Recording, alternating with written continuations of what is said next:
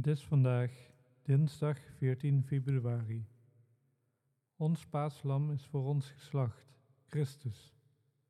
Laten wij dus feest vieren, niet met oud zuurdeeg, ook niet met zuurdeeg van slechtheid en boosaardigheid, maar met ongezuurde broden van oprechtheid en waarheid.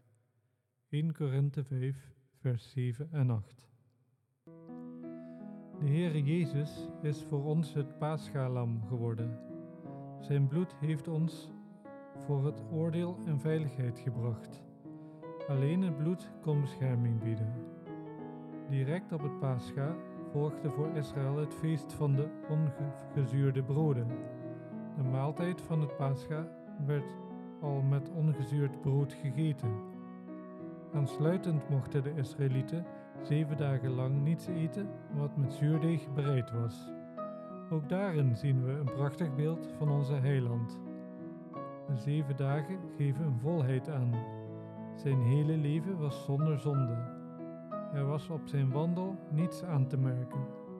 Waarom zouden zijn vijanden anders valse getuigen hebben opgetrommeld?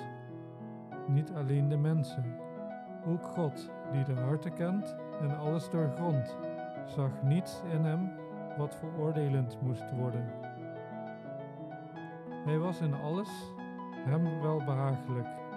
Juist omdat zijn leven zonder zonde was, kon hij voor de zonde sterven.